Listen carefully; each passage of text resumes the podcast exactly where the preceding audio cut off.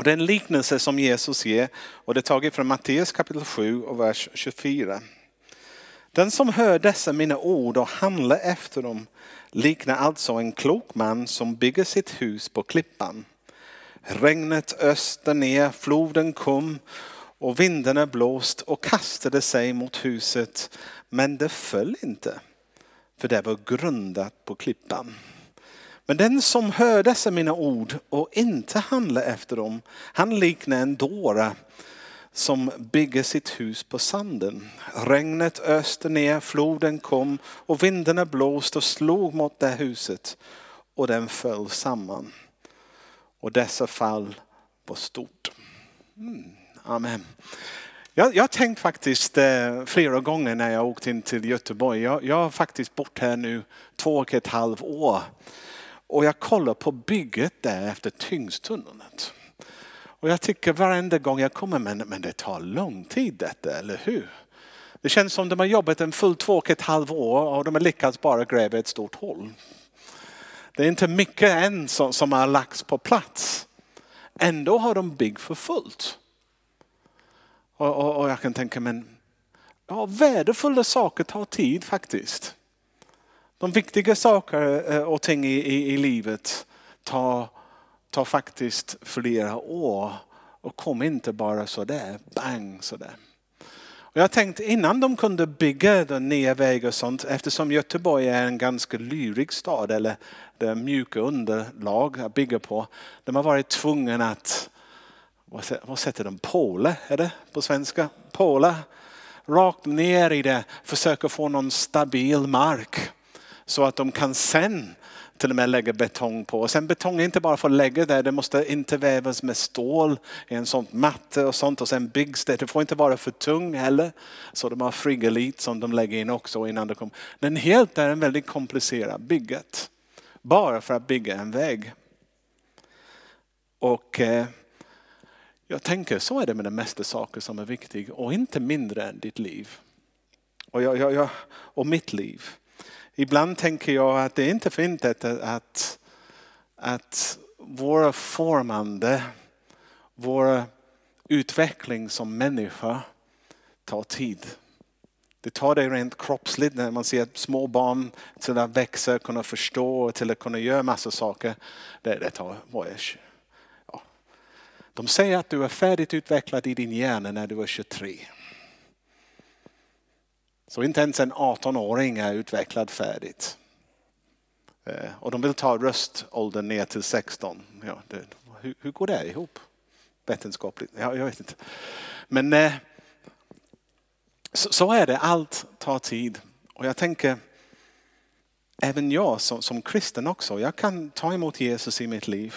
Och då börjar någonting som förmodligen hoppas jag i alla fall, kommer leda till en total förvandling. Men det äger inte rum på bara en enda sekund. Jag vet inte om du är kristen här eller inte. Men även om du är det och du tog emot Jesus. Jag, jag, förmodligen du gick hem, du kände lite annorlunda eller någonting på gång. Men du kände inte en transformation som blir omfattande. Men någonting började. Och om det ger tid då skulle det faktiskt leda till faktiskt en, en, en förvandlat liv. Helt enkelt. Så är det. Och Bibeln är inte dum. Tänk, det står så här i Galaterbrevet 5, 22-23. Andens frukt däremot är kärlek, glädje, frid, tålamod, vänlighet, godhet, trohet, mildhet, och självbehärskning. Wow. Tänk att Bibeln beskriver en av de, eh, några av de mest eftertraktade eh, karaktärsdrag som vi alla strävar efter som frukt. Jag vet inte om ni är trädgårdsintresserade men jag kan lova er om du planterar ett frö i marken och någonting växer, du kommer inte skörda frukt direkt. Frukten kommer efter växten har faktiskt växt ett tag. Och sen frukten är nästan den sista som kommer på det som håller på att växa. Så egentligen, ja, Bibeln faktiskt undervisar att mycket av det som du längtar efter i ditt kristet liv kallas för frukt. Och det betyder att du får vänta ett tag innan du får erfara det eller smaka det. Och vi har lite problem för i vår kultur, vi gillar inte att vänta, eller hur? Eller är det någon som tycker det är okej okay att vänta? Nej. Vi vill ha allt för det och även om vi har datorer och sånt så där vi bara trycker på en knapp, vi vill få det nu. Vi vill inte vänta för det. Vi vill köpa någonting och vi vill inte spara för det heller. Vi vill ta lite kredit så att vi kan få det nu. Och när Bibeln beskriver till exempel kärlek som en frukt. Hur ska jag hantera hur folk beskriver, har du hittat kärleken? Oh, du hittade det eller letar efter det. Finns det någon som skapar det? Eller kan säga man, man söker efter frid. Man önskar sig frid. Men finns det någon som odlar frid? Det är lite tanke som vi kan bolla med lite och fundera över. Det, kärleken som om det bara ligger där någonstans så att man kan gå och plocka upp det. Eller de goda egenskaper, jag kan bara gå fram i kyrkan och få förbön och få dem. Kan jag få dem? Du kan få förutsättningar för det. Och kanske till och med lite försmak av det. Med den djupa bestående frid, den djupa bestående glädje. Den djupande, djup bestående Guds relation som du längtar efter. Förmodligen kommer att ta lite tid. Och jag säger det till er för att uppmuntra er. För vi har en tendens att ge upp lite för lätt.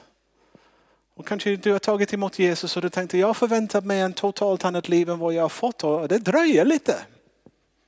Ja, jag skiter i det.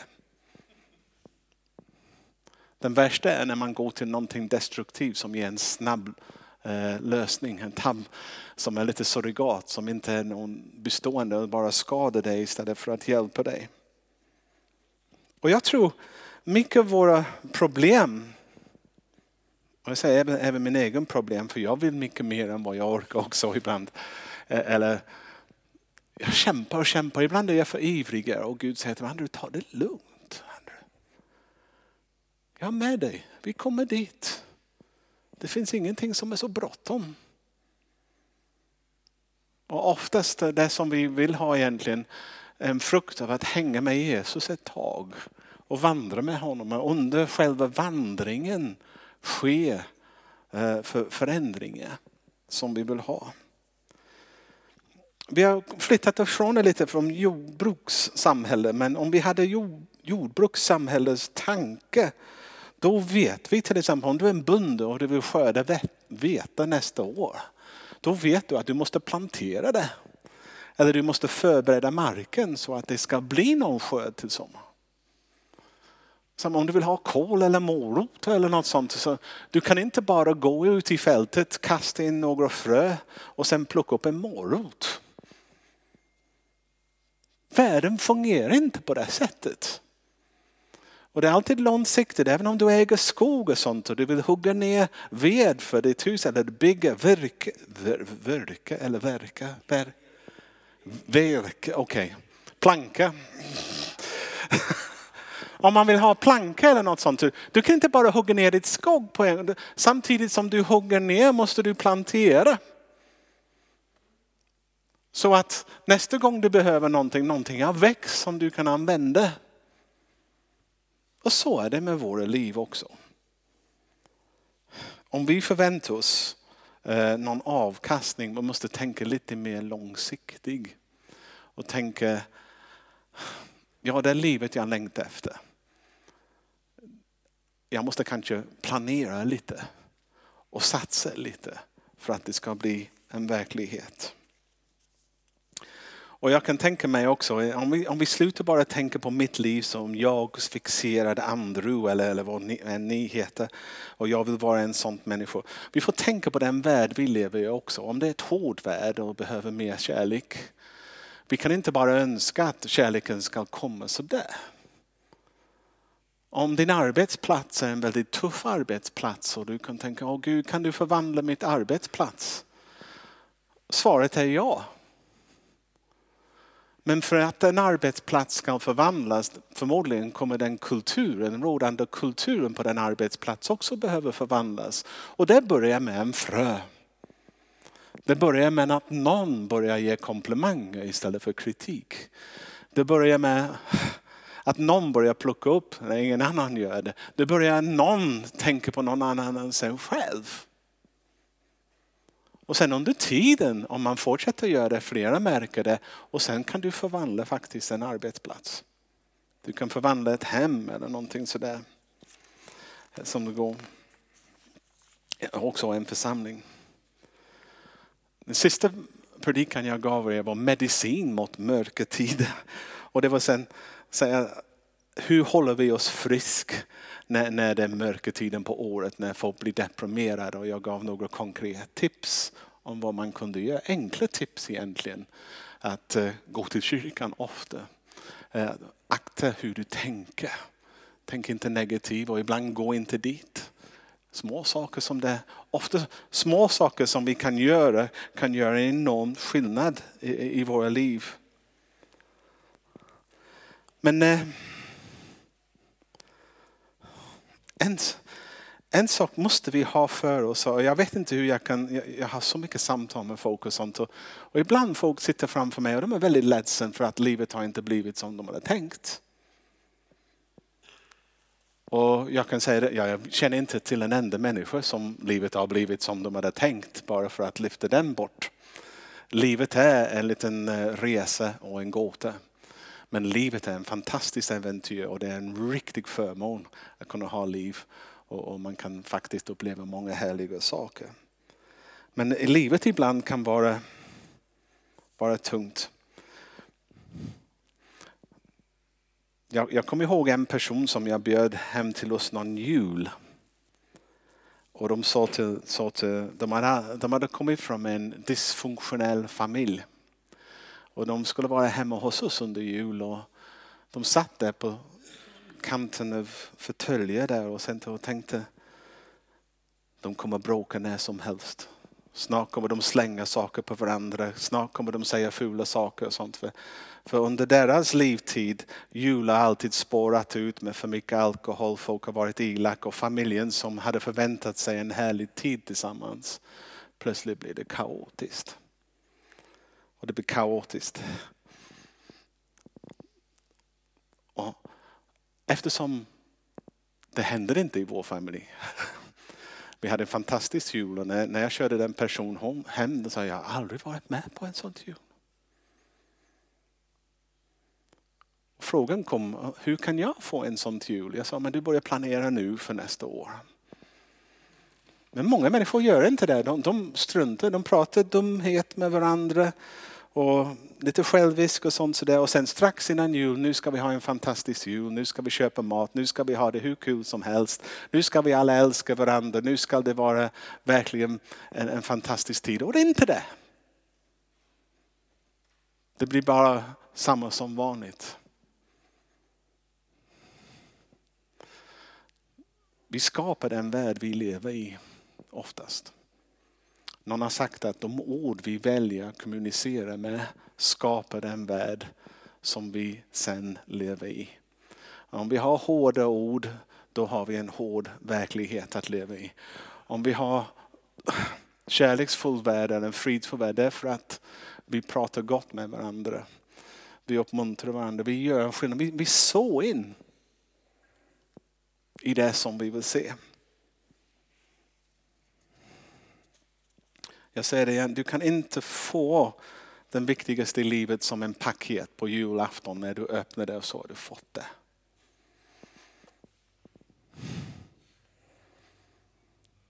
Det kräver, vi har fler samtal redan nu ute. Någon läser, jag pratade med Harold där om teologi och jag sa jag har läst fyra år teologi och så. Jag tänker alla böcker som man måste läsa och sånt. Alla prov och uppsatser och sånt som man skriver. Så tack gode gud att det är över tänkte jag för jag orkar inte göra det igen. Men sanningen är att man måste gå igenom det. för att kunna fungera i den tjänst man är i. Och det finns få genväg egentligen till ett liv i överflöd. När Jesus säger jag har kommit för att ge dig liv och liv i överflöd. Han menar det. Men han häller inte ut en massa överflöd i dig oftast på en gång. Utan att han säger bjud mig in i ditt liv. Och då ska du märka efter ett tag att du får det livet som jag kommer. Men mycket först måste han börja rensa när han kommer in. Mycket först tankegångar, värderingar, olika saker som vi kanske tog för givet måste han omprogrammera och hur vi tänker. Hur vi måste nästan totalt rensas bort. Och det är en process. Han ljuger inte, men han säger släpp in mig och sen se vad jag gör i ditt liv. Och under, under livets gång, under resans gång kommer ni märka att ni förvandlas. Och att till och med ni får verkligen mer mening med ditt liv, mer glädje och, och, och du faktiskt kommer bära frukt. Som är det kärlek, godhet, självbehärskning, frid och allt de andra saker. Eh, som, som, du, som jag kommer plantera i ditt liv. Men först måste vi bjuda in honom.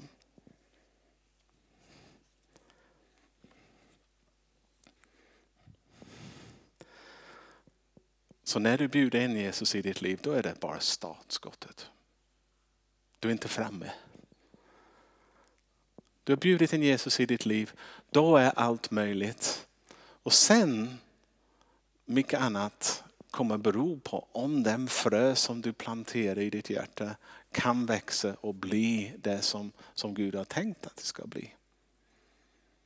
Den heliga ande kommer in i dig när du blir kristen och han kommer du kommer märka att en av de första saker som börjar fungera när man har tagit emot Jesus som din Herre och Frälsare, att du får en samvete som, som plötsligt vaknar till. Din samvete är din vän. Det, men, men det är jätteirriterande ibland för, för din samvete går emot vad du vill. Och du helst vill göra några saker men, men samvetet säger nej, gör inte det. Eller är det bara jag? Nej.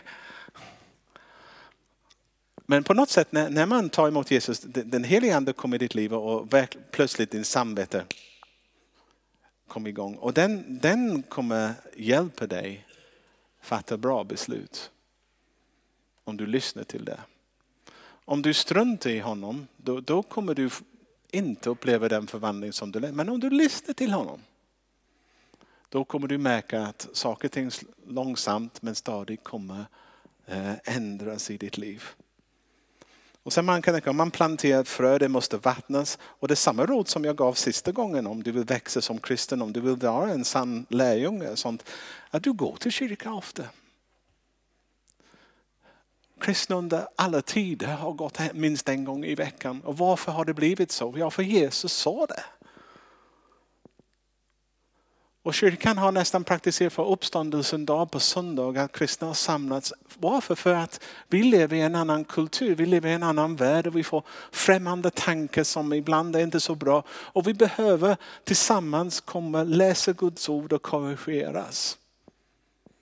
Och befinna oss i en, en miljö som vi uppmuntras till andra saker. Och sen är det också viktigt att vi träffar andra kristna som har gått det lite länge med Jesus som vad vi har gjort. För vi lär oss precis som när man är lärling i en, eller man växer upp i en familj. Du, du ser vad din mamma och pappa gör, du ser vad storebror gör och du hänger efter. Och så är det med, med oss som kristna också. När vi har fått Jesus, det är viktigt att vi sätter in den rutin att vi, vi firar gudstjänst. Sätter Jesus i första plats någon, någon period under veckan. Och sen att vi träffar andra kristna och försöker tillsammans lära oss hur, hur vi ska leva och vad fungerar och inte fungerar. Och jag skulle säga, under, under mitt livstid har jag haft flera förebilder. Människor som har varit äldre än mig, som har vandrat med Gud under en längre tid. Jag har fått så mycket från dem. Och tänk om jag hade bara träffat mina egna ålderskompisar. Jag brukar säga det till folk som tänker gifta sig, unga par. Och sånt. Du behöver några äldre par som ni kan gå och prata med ibland. Någon, inte i din egen ålder, annars du kommer göra samma misstag som de, alla andra gjort. Men när man har en generation eller två generationer före dig, då kan du lära dig massor. Och författaren till Hebreerbrevet säger att slut inte samlas på din sammankomst. Det är viktigt. Sammankomster, det betyder, vad sa du? Men vissa, vissa människor, förlåt det är Hebreerbrevet kapitel 10. Det, det så att vissa människor hade slutat med en kristen gemenskap. De hade varit där ett tag och sen började de tänka, man, jag, jag vet allt det finns att veta. Eller jag har fått tillräckligt mycket, jag fattar vad det kristna livet handlar om. Och de slutar att möta med de andra. Och när man gör det, de kallnar, de tynar bort efter ett tag och de, livet blir inte det som, som man ska ha haft. Eh. Och sen jag, jag sa, det var väldigt viktigt, också, samma sak som kom igen, det är viktigt att vara med i en mindre grupp. Ja, de här grupperna som vi delar upp oss i efteråt, de är väldigt viktiga faktiskt. Att det finns en plats i alla fall där du kan dela med dig, där folk vet vem du är och, och känner dig tillräckligt mycket för att kunna ta in i ditt liv. Och det bara äger rum om man träffas ofta och öppnar upp sig.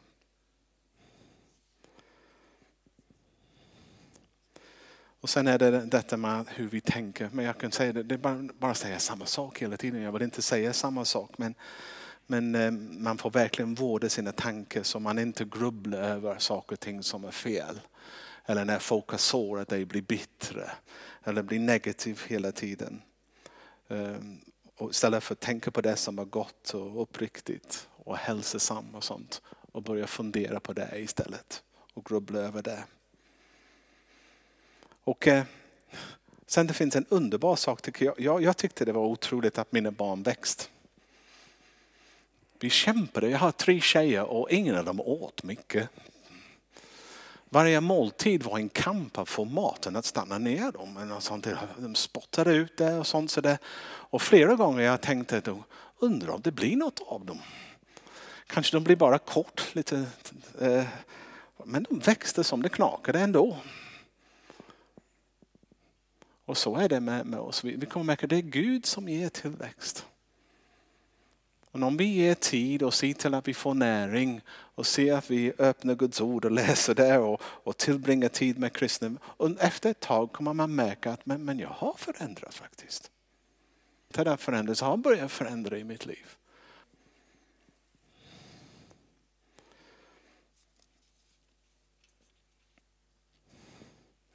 Jag vet inte hur jag måste säga, jag tror ni har fattat det.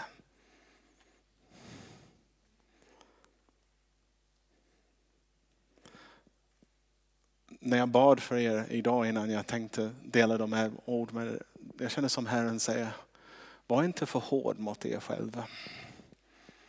Ibland vi kan döma ut oss själva mer än vad Jesus dömer ut oss. Ibland vi kan bli mer besviken på oss själva än vad Gud är. Eh, livet går inte spak, eh, spik fram ibland.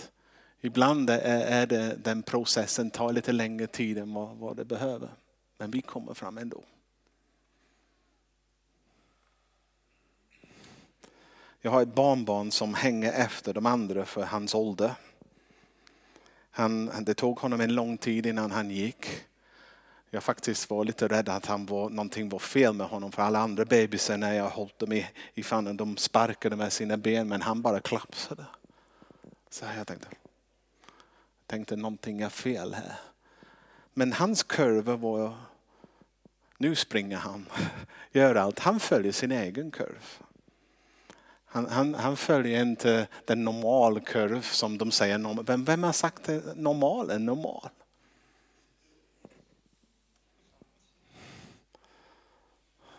Vissa människor har olika förutsättningar. Jag vet inte vad du, din förutsättning är. Kanske du har haft, jag har haft en, en välsignad liv. Jag har föräldrar som har älskat mig. Jag, har haft allt som jag behöver. Det, det, jag är bortskämd. Som Peter ofta sa, Andrew, du har en silversked i din mun. Och jag, jag måste erkänna det, mina, mina förutsättningar har varit fantastiskt. Jag borde ha växt mycket mer eller varit mycket klokare om jag hade tagit vara på allt jag har fått. Och du sitter där, du har inte haft lika bra förutsättningar som andra har haft. Så varför ska du jämföra dig med andra? Kanske du kommer igång lite senare än vad de andra har kommit igång. Det viktigaste som du måste ta till dig. Om Jesus är i ditt hjärta, den helige ande kommer leda dig.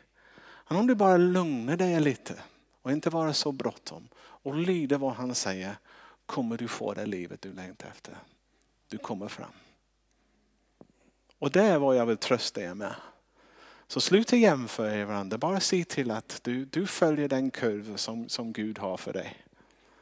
Och det betyder inte att du slutar göra allt på en gång. Eller något. Mary får jag säga det, vi hade lite samtal där ute. Hon, hon sa att hon försöker sluta röka. Jag sa, när kommer det? Så, men jag slutar med massa andra saker, sa hon. Snart kommer rökning vara en historia också som hör till det förfluten. Och jag tänkte, fantastiskt. Hon stressar inte upp sig över det. Hon bara tackar Gud för de saker som hon är fri av. Och ser fram emot det andra som Gud har för henne. Så är det.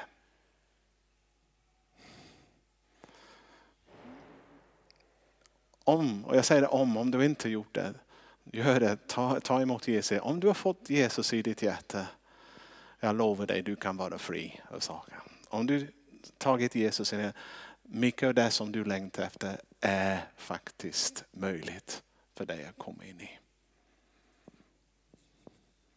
Och tillsammans kan vi hjälpas åt också. Att uppmuntra det och se att det kommer. Okej, okay. det var ungefär det som jag skulle säga.